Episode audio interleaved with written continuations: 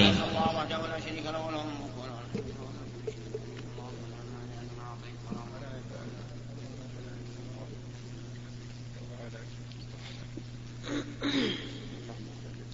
بسم الله الرحمن الرحيم.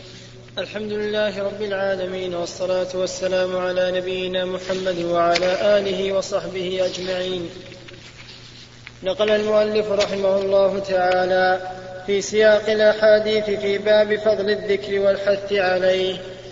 عن أم المؤمنين جويرية بنت الحارث رضي الله عنها أن النبي صلى الله عليه وسلم خرج من عندها بكرة حين صلى الصبح وهي في مسجدها. ثم ثم رجع بعد أن أضحى وهي جالسة فقال ما زلت على الحال التي فارقتك عليها؟ قالت نعم. فقال النبي صلى الله عليه وسلم لقد قلت بعدك أربع كلمات ثلاث مرات لو وزنت بما قلت منذ اليوم لوزنتهن. سبحان الله وبحمده عدد خلقه ورضا نفسه وزنة عرشه ومداد كلماته. رواه مسلم. وفي رواية له سبحان الله عدد خلقه سبحان الله رضا نفسه سبحان الله زنة عرشه سبحان الله مداد كلماته. وفي رواية, وفي رواية الترمذي ألا أعلمك كلمات تقولينها؟ سبحان الله عدد خلقه سبحان الله عدد خلقه سبحان الله عدد خلقه سبحان الله رضا نفسه. سبحان الله رضا نفسه سبحان الله رضا نفسه سبحان الله زنة عرشه سبحان الله زنة عرشه سبحان الله زنة عرشه سبحان الله مداد كلماته سبحان الله مداد كلماته سبحان الله مداد كلماته. بسم الله الرحمن الرحيم. هذا الحديث من الأحاديث التي فيها بيان فضيلة نوع من أنواع الذكر. وهو ما روته أم المؤمنين جويرية بنت الحارث عن النبي صلى الله عليه وسلم أنه خرج منها من عند الفجر ثم رجع إليها وضحا وهي تسبح وتهلل. فبين لها صلى الله عليه وعلى آله وسلم أنه قال بعدها كلمات تزن ما قالت منذ الفجر أو منذ الصبح. سبحان الله وبحمده عدد خلقه ثلاث مرات. سبحان الله وبحمده رضا نفسه ثلاث مرات. سبحان الله وبحمده زينة عرشه ثلاث مرات. سبحان الله وبحمده مداد كلماته ثلاث مرات. أما سبحان الله وبحمده عدد خلقه فمعناه أنك تسبح الله عز وجل وتحمده عدد مخلوقاته. ومخلوقات الله عز وجل لا يحصيها إلا الله. كما قال الله تعالى وما يعلم جنود ربك إلا هو. سبحان الله وبحمده زنة عرشه وزنة عرشه لا يعلم ثقلها إلا الله عز وجل لأن العرش أكبر المخلوقات التي نعلمها فإن النبي صلى الله عليه وسلم يروى عنه أنه قال إن السماوات السبع والأراضين السبع في الكرسي كحلقة ألقيت في فلاة من الأرض وإن فضل العرش على الكرسي كفضل الفلاة على هذه الحلقة. إذا فهو مخلوق عظيم لا يعلم قدره إلا الله عز وجل. سبحان الله وبحمده رضا نفسه يعني أنه أنك تسبح الله وتحمده حمدا يرضى به الله عز وجل. وأي حمد يرضى به الله إلا وهو أفضل الحمد وأكمله. سبحان الله وبحمده مداد كلماته. والمداد ما يكتب به الشيء. وكلمات الله تعالى لا يحيط بها شيء. قال الله تعالى ولو أن ما في الأرض من شجرة أقلام والبحر يمده من بعده سبعة أبحر ما نفدت كلمات الله. إن الله عزيز حكيم. وقال تعالى قل لو كان البحر مدادا لكلمات ربي لنفد البحر قبل أن تنفد كلمات ربي ولو جئنا بمثله مددا. فكلمات الله تعالى لا نهاية لها. فالمهم أنه ينبغي لنا أن نحافظ على هذا الذكر. سبحان الله وبحمده عدد خلقه ثلاث مرات. سبحان الله وبحمده رضا نفسه ثلاث مرات. سبحان الله وبحمده زنة عرشه ثلاث مرات. سبحان الله وبحمده مداد كلماته ثلاث مرات فتكون الجميع اثنتي عشرة مرة. محمد وعلى آله وصحبه أجمعين. نقل المؤلف رحمه الله تعالى في سياق الأحاديث في باب فضل الذكر والحث عليه. عن أبي موسى الأشعري رضي الله عنه عن النبي صلى الله عليه وسلم قال مثل الذي يذكر ربه والذي لا يذكره مثل الحي والميت. رواه, رواه البخاري ورواه مسلم فقال مثل البيت الذي يذكر, يذكر الله فيه والبيت الذي لا يذكر الله فيه مثل الحي والميت. وعن أبي هريرة رضي الله عنه أن رسول الله صلى الله عليه وسلم قال يقول الله تعالى أنا عند ظن عبدي بي وأنا معه إذا ذكرني. فإن ذكرني في نفسه ذكرته في نفسي وإن ذكرني في ملأ ذكرته في ملأ خير, خير منهم. متفق عليه. وعنه رضي الله عنه قال قال رسول الله صلى الله عليه وسلم سبق المفردون. قالوا وما المفردون يا رسول الله؟ قال الذاكرون الله كثيرا والذاكرات. رواه مسلم. من هذه الأحاديث في فضل الذكر ذكر الله عز وجل. فأما الحديث الأول فقد قال فيه رسول الله صلى الله عليه وعلى آله وسلم مثل الذي يذكر الله والذي لا يذكر الله كمثل الحي والميت. وذلك لأن الذي يذكر الله تعالى قد أحيا الله قلبه بذكره وشرح له صدره فكان كالحي. وأما الذي لا يذكر الله فإنه لا يطمئن قلبه والعياذ بالله ولا ينشرح صدره للإسلام فهو كمثل الميت. وهذا مثل ينبغي للإنسان أن يعتبر به وأن يعلم أنه كلما غفل عن ذكر الله عز وجل فإنه يقسو قلبه وربما يموت قلبه والعياذ بالله. وأما الحديثان الأخيران ففيهما أيضا دليل على فضيلة الذكر وهو أن الإنسان إذا ذكر الله عز وجل في نفسه ذكره الله في نفسه وإن ذكره في ملأ ذكره في ملأ خير منهم. يعني إذا ذكرت ربك في نفسك إما أن تنطق بلسانك سرا ولا يسمعك أحد أو تذكر الله في قلبك فإن الله تعالى يذكرك في نفسك. وإذا ذكرته في ملأ يعني عند جماعة فإن الله تعالى يذكرك في ملأ خير منهم أي في ملأ من الملائكة. يذكرك عندهم ويعني, ويعني ذكرك. ويثني عليك جل وعلا. ففي هذا دليل على فضيلة الذكر وأن الإنسان إذا ذكر الله عند ملأ كان هذا أفضل مما إذا ذكره في نفسه. إلا أن يخاف الإنسان على نفسه الرياء. فإن خاف الرياء فلا يجهر ولكن لا يكون في قلبه وساوس بأن يقول إذا ذكرت الله جهرا فهذا رياء فلا أذكر الله. بل يدع هذه الوساوس ويذكر الله تعالى عند الناس وفي نفسه حتى يذكره الله عز وجل كما ذكر ربه. وأما حديث أبي هريرة الثالث فهو أن النبي صلى الله عليه وعلى آله وسلم قال سبق المفردون. قالوا وما المفردون؟ قال الذاكرون الله كثيرا والذاكرات. ففي هذا دليل على أن الذاكرين لله كثيرا لهم السبق على غيرهم لأنهم عملوا أكثر من غيرهم فكانوا أسبق إلى الخير. والله الموفق. سبحان الله سبحان الله. بسم الله الرحمن الرحيم. الحمد لله رب العالمين والصلاة والسلام على نبينا محمد وعلى آله وصحبه أجمعين.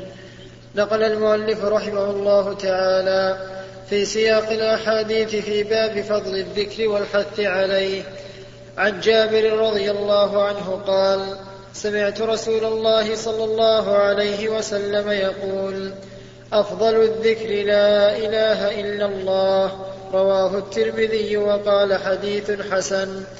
وعن عبد الله بن مسلم رضي الله عنه أن رجلا قال يا رسول الله إن شرائع الإسلام قد كثرت علي. فأخبرني بشيء أتشبث به. قال لا يزال لسانك رطبا من ذكر الله. رواه الترمذي وقال حديث حسن. وعن جابر رضي الله عنه عن النبي صلى الله عليه وسلم قال من قال سبحان الله وبحمده غرست له نخلة في الجنة. رواه الترمذي وقال حديث حسن. وعن ابن مسعود رضي الله عنه قال قال رسول الله صلى الله عليه وسلم لقيت إبراهيم صلى الله عليه وسلم ليلة أسري بي فقال يا محمد أقرئ أمتك مني السلام وأخبرهم أن الجنة طيبة التربة عذبة الماء وأنها قيعان وأن غراسها سبحان الله والحمد لله ولا إله إلا الله والله أكبر. رواه الترمذي وقال حديث حسن. وعن أبي الدرداء رضي الله عنه قال قال رسول الله صلى الله عليه وسلم ألا أنبئكم بخير أعمالكم وأزكاها عند مليككم وارفع وأرفعها في درجاتكم وخير لكم من إنفاق الذهب والفضة وخير لكم من أن تلقوا عدوكم فتضربوا أعناقهم ويضربوا أعناقكم. قالوا بلى. قال ذكر الله تعالى. رواه الترمذي رواه الترمذي. قال الحاكم إسناده صحيح.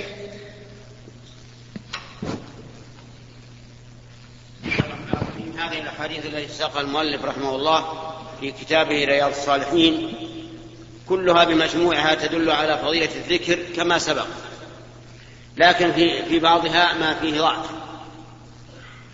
فمنها أن النبي صلى الله عليه وعلى آله وسلم قال له رجل إن شرائع الإسلام قد كثرت علي.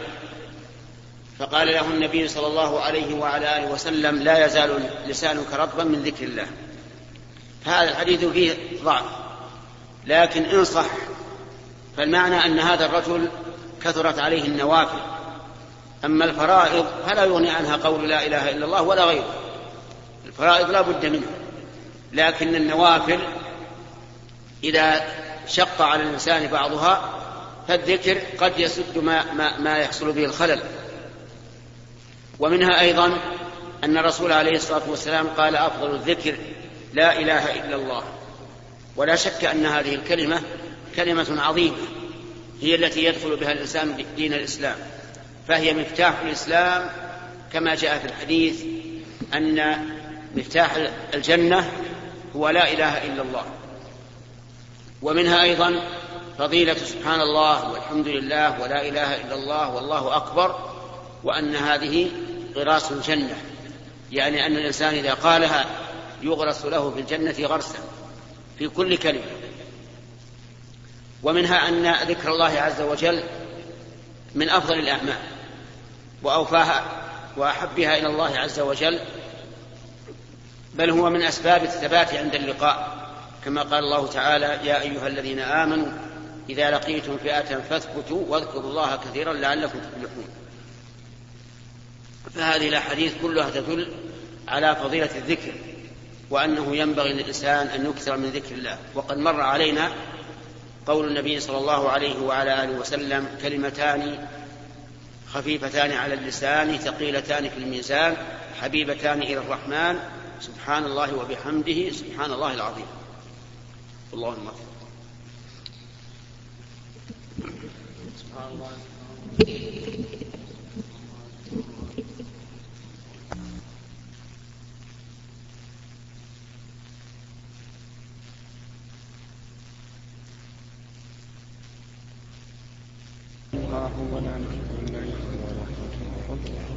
حول ولا قوة إلا بالله. اللهم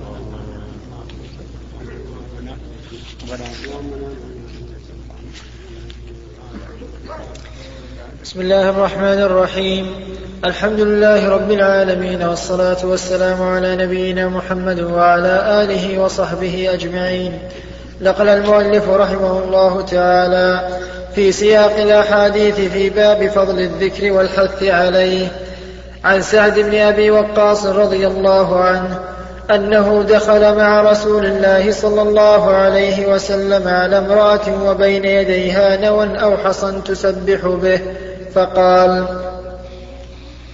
دخل مع رسول الله صلى الله عليه وسلم على امرأة وبين يديها نوى أو حصى تسبح به فقال أخبرك بما هو أيسر على أو أفضل فقال سبحان الله عدد ما خلق في السماء وسبحان الله عدد ما خلق في الأرض وسبحان الله عدد ما بين ذلك وسبحان الله عدد ما هو خالق. والله أكبر مثل ذلك والحمد لله مثل ذلك ولا إله إلا الله مثل ذلك ولا حول ولا قوة إلا بالله مثل ذلك. رواه الترمذي وقال حديث حسن. وعن أبي موسى رضي الله عنه قال قال لي رسول الله صلى الله عليه وسلم ألا أدلك على كنز من كنوز الجنة؟ فقلت بلى يا رسول الله. قال لا حول ولا قوة إلا بالله. متفق عليه. بسم الله الرحمن الرحيم. هذان حديثان في بيان فضل الذكر وقد سبقت أحاديث كثيرة كلها تدل على فضل الذكر. فحديث سعد بن أبي وقاص في دخول النبي صلى الله عليه وعلى آله وسلم على المرأة وبين يديها حصن أو نوى تسبح به فقال ألا أخبرك بما هو أفضل من ذلك؟ وذكر لها التسبيح سبق نظيره أو قريب منه قوله صلى الله عليه وسلم سبحان الله وبحمده عدد خلقه ثلاث مرات. سبحان الله وبحمده زنة عرشه ثلاث مرات. سبحان الله وبحمده رضا نفسه ثلاث مرات. سبحان الله وبحمده مداد كلماته ثلاث مرات. هذه اثنتا عشرة مرة فيها خير كثير وسبق بيان شرح ذلك. أما حديث أبي موسى الأشعري رضي الله عنه فهو أن النبي صلى الله عليه وعلى آله وسلم قال ألا أدلك على كنز من كنوز الجنة؟ والاستفهام هنا للتشويق يعني يشوقه الرسول عليه الصلاة والسلام إلى أن يستمع إلى ما يقول. قلت بلى يا رسول الله. قال لا حول ولا قوة إلا بالله. لأن هذه الكلمة فيها التبرؤ من الحول والقوة إلا بالله عز وجل. فالإنسان ليس له حول وليس له قوة فلا يتحول من حال إلى حال ولا يقوى على ذلك إلا بالله عز وجل. فهي كلمة استعانة. إذا إذا أعياك الشيء وعجزت عنه قل لا حول ولا قوة إلا بالله فإن الله تعالى يعينك عليه. وليست هذه الكلمة كلمة استرجاع كما يفعله كثير من الناس إذا قيل له حصلت المصيبة الفلانية قال لا حول ولا قوة إلا بالله. كلمة الاسترجاع أن تقول إنا لله وإنا إليه راجعون. أما هذه فهي كلمة استعانة. إذا أردت أن الله يعينك على شيء فقل لا حول ولا قوة إلا بالله. وكما مر مر عليكم في سورة الكهف في أصحاب الجنة صاحبي الجنتين. قال له صاحبه ولولا إذ دخلت جنتك قلت ما شاء الله لا قوة إلا بالله يعني لكان هذا خيرا لك وأبقى لجنتك. ولكنه دخل وقال ما أظن أن تبيد هذه أبدا وما أظن الساعة قائمة.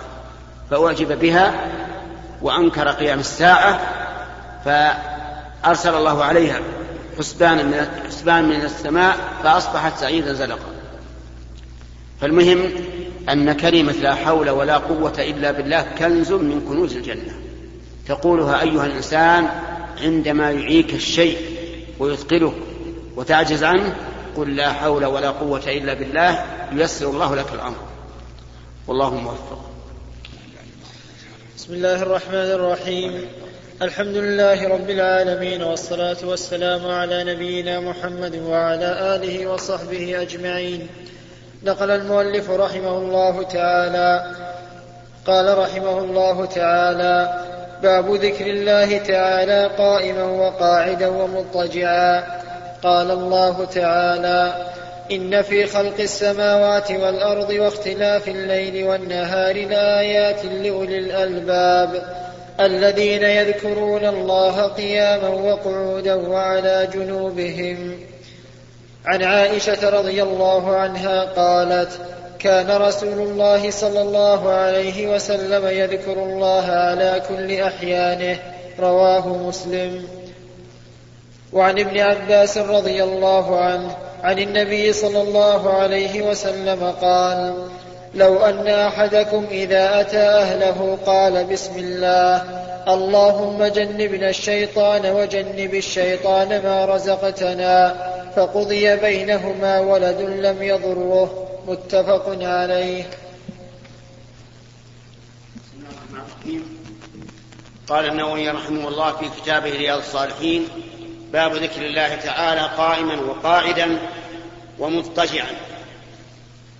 يعني أن الإنسان ينبغي له أن يذكر الله تعالى في كل حال قائما وقاعدا وعلى جنب. ثم استشهد رحمه الله بقول الله تعالى إن في خلق السماوات والأرض واختلاف الليل والنهار لآيات لأولي الألباب الذين يذكرون الله قياما وقعودا وعلى جنوبهم في خلق السماوات والأرض يعني في ذات السماء وذات الأرض بما فيهما من عجائب مخلوقات الله تعالى آيات لأولي الألباب لأولي العقول الذين يدركون بآيات الله ما لله تعالى في هذه الآيات من الحكم والأسرار. فالسماء واسعة عالية والأرض مسطحة مذللة للخلق. فيها من الآيات من آيات الله تعالى من البحار والأنهار والأشجار والجبال وغير ذلك ما يستدل به على خالقها جل وعلا. وأما اختلاف الليل والنهار فاختلاف الليل والنهار في الطول والقصر والحر والبرد والرخاء والشدة والأمن والخوف والبؤس والعافية وغير ذلك فيها أيضا آيات آيات عظيمة. والإنسان إذا طالع التاريخ وراى تقلبات الليل والنهار واختلافه واختلافهما رأى من آيات الله العجيبه ما يزداد به ايمان وقوله الذين يذكرون الله قياما وقعودا وعلى جنوبهم هذا هو الشاهد. يذكرون الله في كل حال قياما وقعودا وعلى جنوبهم في كل حال. وكذلك ذكر رحمه الله حديث عائشة رضي الله عنها قالت كان النبي صلى الله عليه وعلى آله وسلم يذكر الله على كل أحيان. على كل احيانه أي على كل أزمان في كل زمن يذكر الله قائما وقاعدا ومضطجعا حتى إن النبي صلى الله عليه وسلم ندب الإنسان أن يذكر الله عند جماع أهله. فقال لو أن أحدكم إذا أتى أهله قال بسم الله اللهم جنبنا الشيطان وجنب الشيطان ما رزقتنا فإنه إذا قضي بينهما ولد لم يضره الشيطان. ففي هذا دليل على أنه ينبغي لك أن تكثر من ذكر الله في كل حال. إلا أن العلماء قالوا لا ينبغي أن يذكر الله تعالى في الأماكن القذرة كأماكن قضاء الحاجة المراحيض ونحوها تكريما لذكر الله عز وجل عن هذه المواضع. هكذا ذكر بعض أهل العلم. والله أعلم. سبحان الله.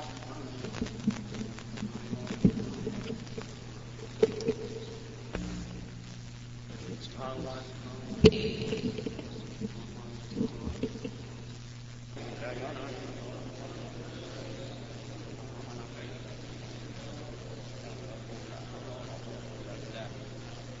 إله إلا الله وحده لا شريك له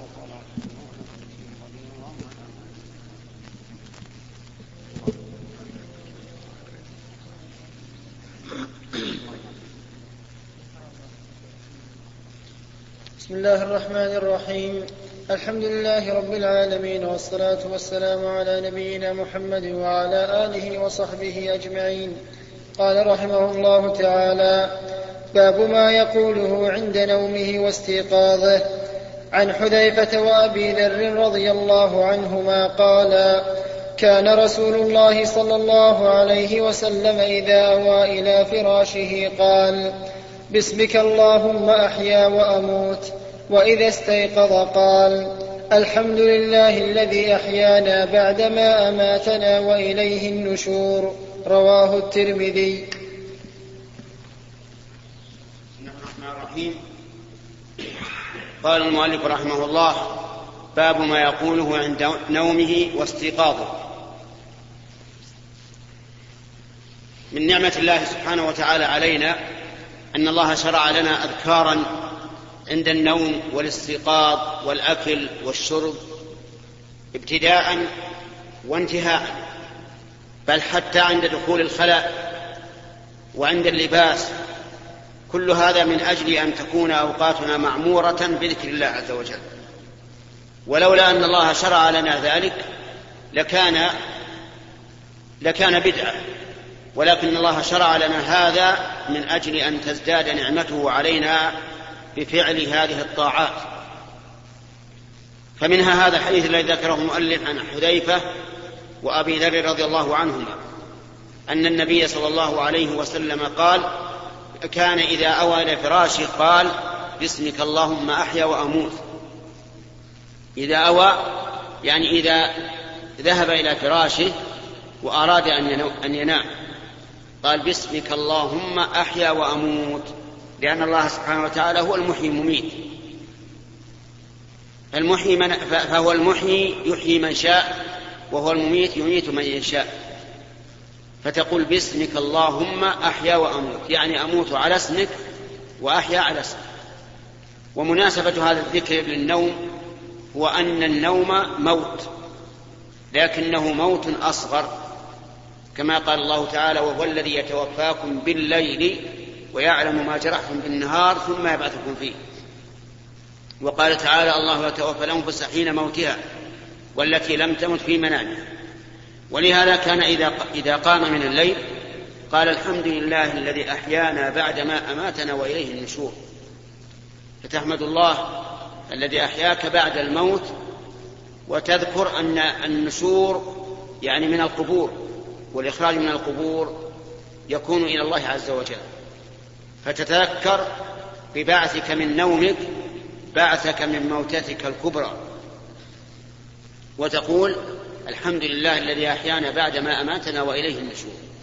وفي هذا دليل على الحكمة العظيمة في هذا النوم الذي جعله الله راحة للبدن عما سبق وتنشيطا للبدن فيما يستقبل. أنه يذكر أيضا بالحياة الآخرة. تذكر تذكر بذلك إذا قمت من قبرك بعد موتك حيا إلى الله عز وجل. وهذا يزيدك إيمانا بالبعث. والإيمان بالبعث أمر مهم. لولا أن الإنسان يؤمن بأنه سيبعث ويجازى على عمله ما عمل. ولهذا نجد أن الله يقرن كثيرا الإيمان باليوم الآخر بالإيمان به. كما قال تعالى الذين يؤمنون بالله وباليوم الآخر. وآيات كثيرة في هذا. فالمهم أنه ينبغي لك إذا أويت على فراشك أن تقول باسمك اللهم أحيا وأموت. وإذا استيقظت أن تقول الحمد لله الذي أحيانا بعدما أماتنا وإليه النشور. والله الموفق سبحان الله. سبحان الله. الرحيم الحمد لله رب العالمين والصلاة والسلام على نبينا محمد وعلى آله وصحبه أجمعين. قال رحمه الله تعالى باب فضل حلق الذكر. قال الله تعالى واصبر نفسك مع الذين يدعون ربهم بالغداة والعشي يريدون وجهه ولا تعد عيناك عنهم تريد زينة الحياة الدنيا. عن أبي هريرة رضي الله عنه قال قال رسول الله صلى الله عليه وسلم إن لله تعالى ملائكة يطوفون في الطرق يلتمسون أهل الذكر فإذا وجدوا قوما يذكرون الله عز وجل تنادوا هلموا إلى حاجتكم فيحفونهم بأجنحتهم إلى السماء الدنيا فيسألهم ربهم وهو أعلم ما يقول عبادي. قال يقولون يسبحونك ويكبرونك ويحمدونك ويمجدونك. فيقول هل رأوني؟ فيقولون لا والله ما رأوك. فيقول كيف لو رأوني؟ قال يقولون لو رأوك كانوا أشد لك عبادة وأشد لك تمجيدا وأكثر لك تسبيحا. فيقول فماذا يسألون؟ قال يقولون يسألونك الجنة. قال يقول وهل رأوها؟ قال يقولون لا والله يا رب ما رأوها. قال يقول فكيف لو رأوها؟ قال يقولون لو أنهم رأوها كانوا أشد عليها حرصا وأشد لها طلبا وأعظم فيها رغبة. قال فمما يتعوذون. قال فمما يتعوذون. قال يقولون يتعوذون من النار. قال فيقول وهل رأوها؟ قال يقولون لا والله ما رأوها. فيقول كيف لو رأوها؟ قال يقولون لو رأوها كانوا أشد منها فرارا وأشد لها مخافة. قال فيقول فأشهدكم أني قد غفرت لهم. قال يقول ملك من الملائكة فيهم فلان ليس منهم إنما جاء لحاجة. قال هم الجلساء لا يشقى بهم جليسهم متفق عليه. وفي رواية لمسلم عن أبي هريرة رضي الله عنه عن النبي صلى الله عليه وسلم قال إن لله ملائكة سيارة فضلا يتتبعون مجالس الذكر فإذا وجدوا مجلسا فيه ذكر قعدوا معهم وحف بعضهم بعضا بأجنحتهم حتى يملأوا ما بينهم وبين السماء الدنيا فإذا تفرقوا عرجوا وصعدوا إلى السماء فيسألهم الله عز وجل وهو أعلم من أين جئتم فيقولون جئنا من عند عباد لك في الأرض يسبحونك ويكبرونك ويهللونك ويحمدونك ويسألونك قال وماذا يسألوني قالوا يسألونك جنتك قال وهل رأوا جنتي قالوا لا أي رب قالوا لا أي رب قال فكيف لو رأوا جنتي؟ قالوا ويستجيرونك؟ قال ومما يستجيروني؟ قالوا من نارك يا رب؟ قال وهل رأوا ناري؟ قالوا لا. قال فكيف لو رأوا ناري؟ قالوا ويستغفرونك؟ فيقول قد غفرت لهم وأعطيتهم ما سألوا وأجرتهم مما استجاروا. قال يقولون رب فيهم فلان عبد خطاء إنما مر فجلس معهم فيقول وله غفرت هم القوم لا يشقى بهم جليسهم. بسم الله الرحمن الرحيم. قال المؤلف رحمه الله تعالى في كتابه رياض الصالحين باب فضل حلق الذكر يعني الاجتماع على ذكر الله عز وجل. ثم ساق الآية الكريمة. واصبر نفسك مع الذين يدعون ربهم بالغداة والعشي يريدون وجهه. ولا تعد عيناك عنهم تريد زينة الحياة الدنيا. فأمر الله تعالى نبيه محمد صلى الله عليه وعلى آله وسلم أن يصبر نفسه مع هؤلاء القوم الفضلاء الشرفاء الكرماء. وصبر نفسه يعني حبسه. احبس نفسك معهم فإن هؤلاء القوم خير من تجلس إليه. يدعون ربهم بالغداة في أول النهار وبالعشي في آخر النهار. ومن ذلك إن شاء الله الاجتماع على صلاة الفجر وعلى صلاة العصر لأن الأولى في الصباح والثانية في المساء. غداة وعشي. يدعون يريدون وجهه هذا دليل على إخلاصهم لله عز وجل وأنهم لا يريدون من هذا الاجتماع والدعاء أن يمدحوا بذلك أو يقال ما أعظمهم ما أعظم عبادتهم ما أكثرها ما أصبرهم عليها. لا يريدون هذا كله يريدون وجه الله عز وجل. ولا تعد عن عيناك عنهم تريد زينة الحياة الدنيا.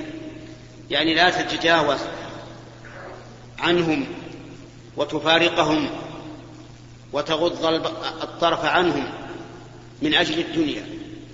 أما من أجل مصلحة أخرى أعظم مما هم عليه فلا بأس لكن من أجل الدنيا لا. هؤلاء هم القوم وهم أهل الدنيا والآخرة. ولا تطع من أغفلنا قلبه عن ذكرنا واتبع هواه وكان أمره فرطا. يعني لا تطع الغافل الذي غفل قلبه والعياذ بالله عن ذكر الله وكان أمره فرطا واتبع هواه وضاعت عليه دنياه وضاعت عليه أخراه. ففي هذا هذه الآية الكريمة فضل الاجتماع على الذكر والدعاء. وفيها فضل الإخلاص وأن الإخلاص هو الذي عليه مدار كل شيء. وفيها أيضا أن الإنسان لا ينبغي له أن يدع أحوال الآخرة والعبادات إلى أحوال الدنيا. أما الأحاديث فذكر المؤلف حديث أبي هريرة في صحيح البخاري وصحيح مسلم أن الله تعالى وكل ملائكة يسيحون في الأرض يطلبون حلق الذكر. والملائكة عالم غيبي فاضل خلقهم الله عز وجل من النور وجعلهم صمدا لا أجواف لهم فلا يأكلون ولا يشربون. لا يحتاجون إلى هذا. لا, لا لهم بطون ولا لهم أمعاء بل هم صمد. ولهذا لا يأكلون ولا يشربون.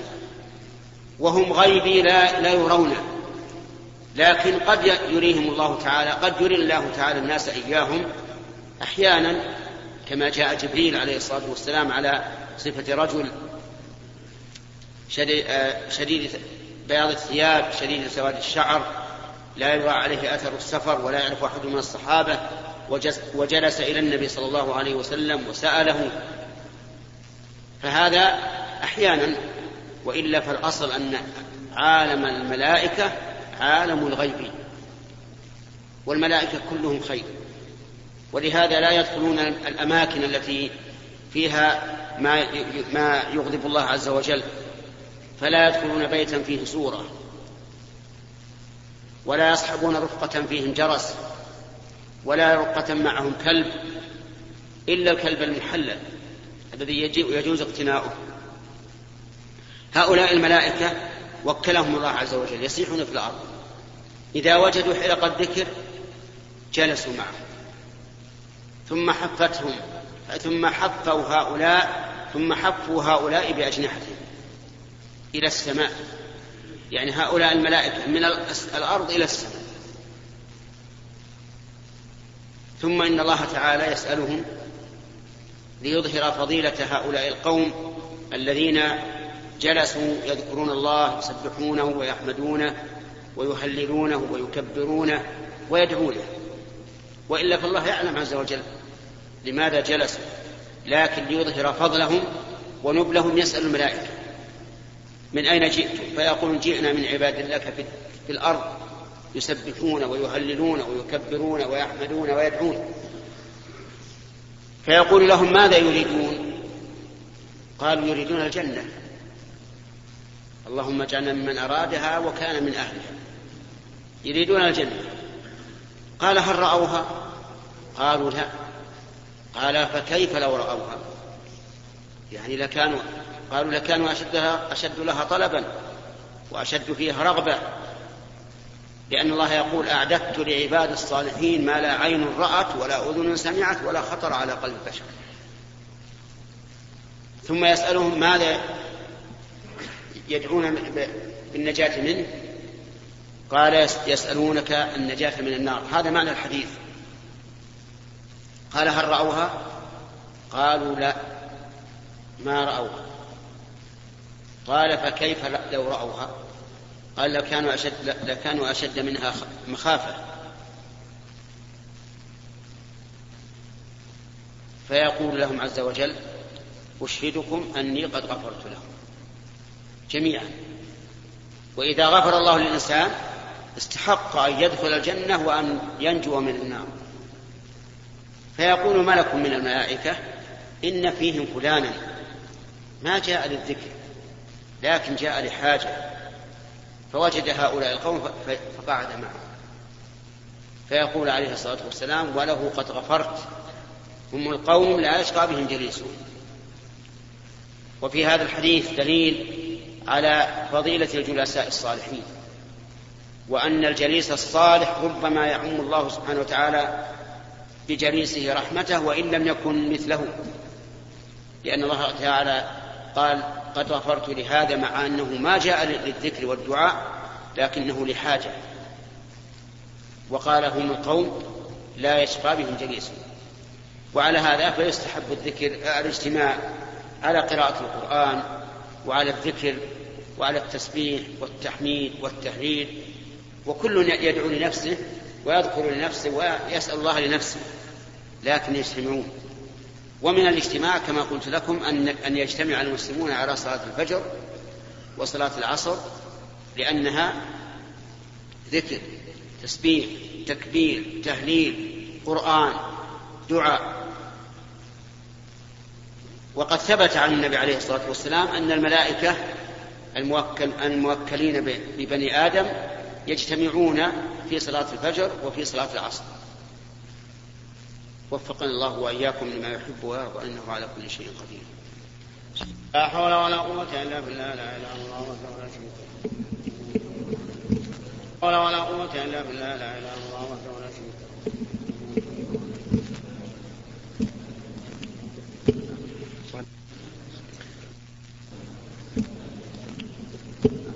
ولا بسم الله الرحمن الرحيم. الحمد لله رب العالمين والصلاة والسلام على نبينا محمد وعلى آله وصحبه أجمعين. قال نقل المؤلف رحمه الله تعالى في سياق الأحاديث في باب فضل حلق الذكر.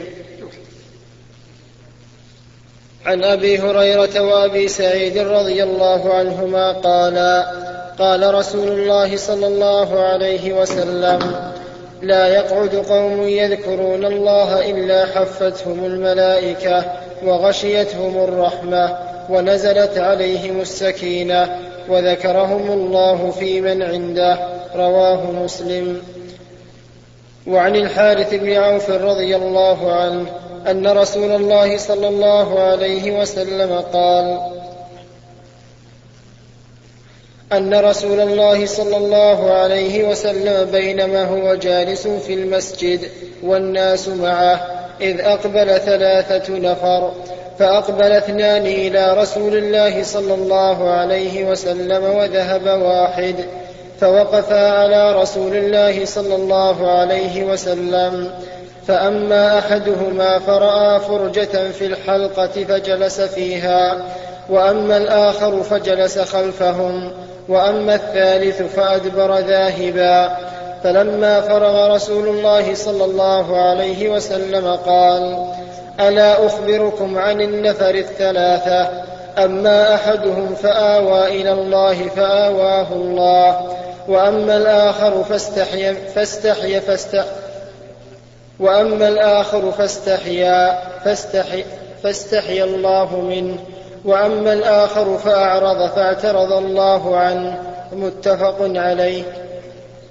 وأما الآخر فأعرض فاعترض الله عنه. وأما الآخر فأعرض فأعرض الله عنه متفق عليه.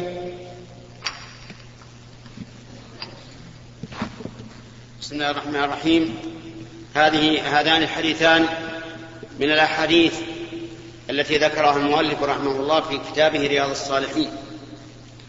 فالأول أخبر فيه النبي صلى الله عليه وسلم أنه ما جلس قوم يذكرون الله تعالى إلا نزلت عليهم السكينة وغشتهم الرحمة وحفتهم الملائكة وذكرهم الله في من عنده. وهذا يدل على فضل الاجتماع على ذكر الله عز وجل. ولا يلزم من هذا أن يذكرون الله بصوت واحد بل الحديث مطلق. لكن لم يعهد عن السلف أنهم أنهم يذكرون ذكرا جماعيا كما يفعله بعض أهل الطرق من الصوفية وغيرهم. وفيه أنها أن هؤلاء المجتمعين تنزل عليهم السكينة والسكينة هي طمأنينة القلب وخشوعه وإنابته إلى الله عز وجل. وتغشاهم الرحمة أي تحيط بهم من كل جانب. من فضلك اقلب الشريط.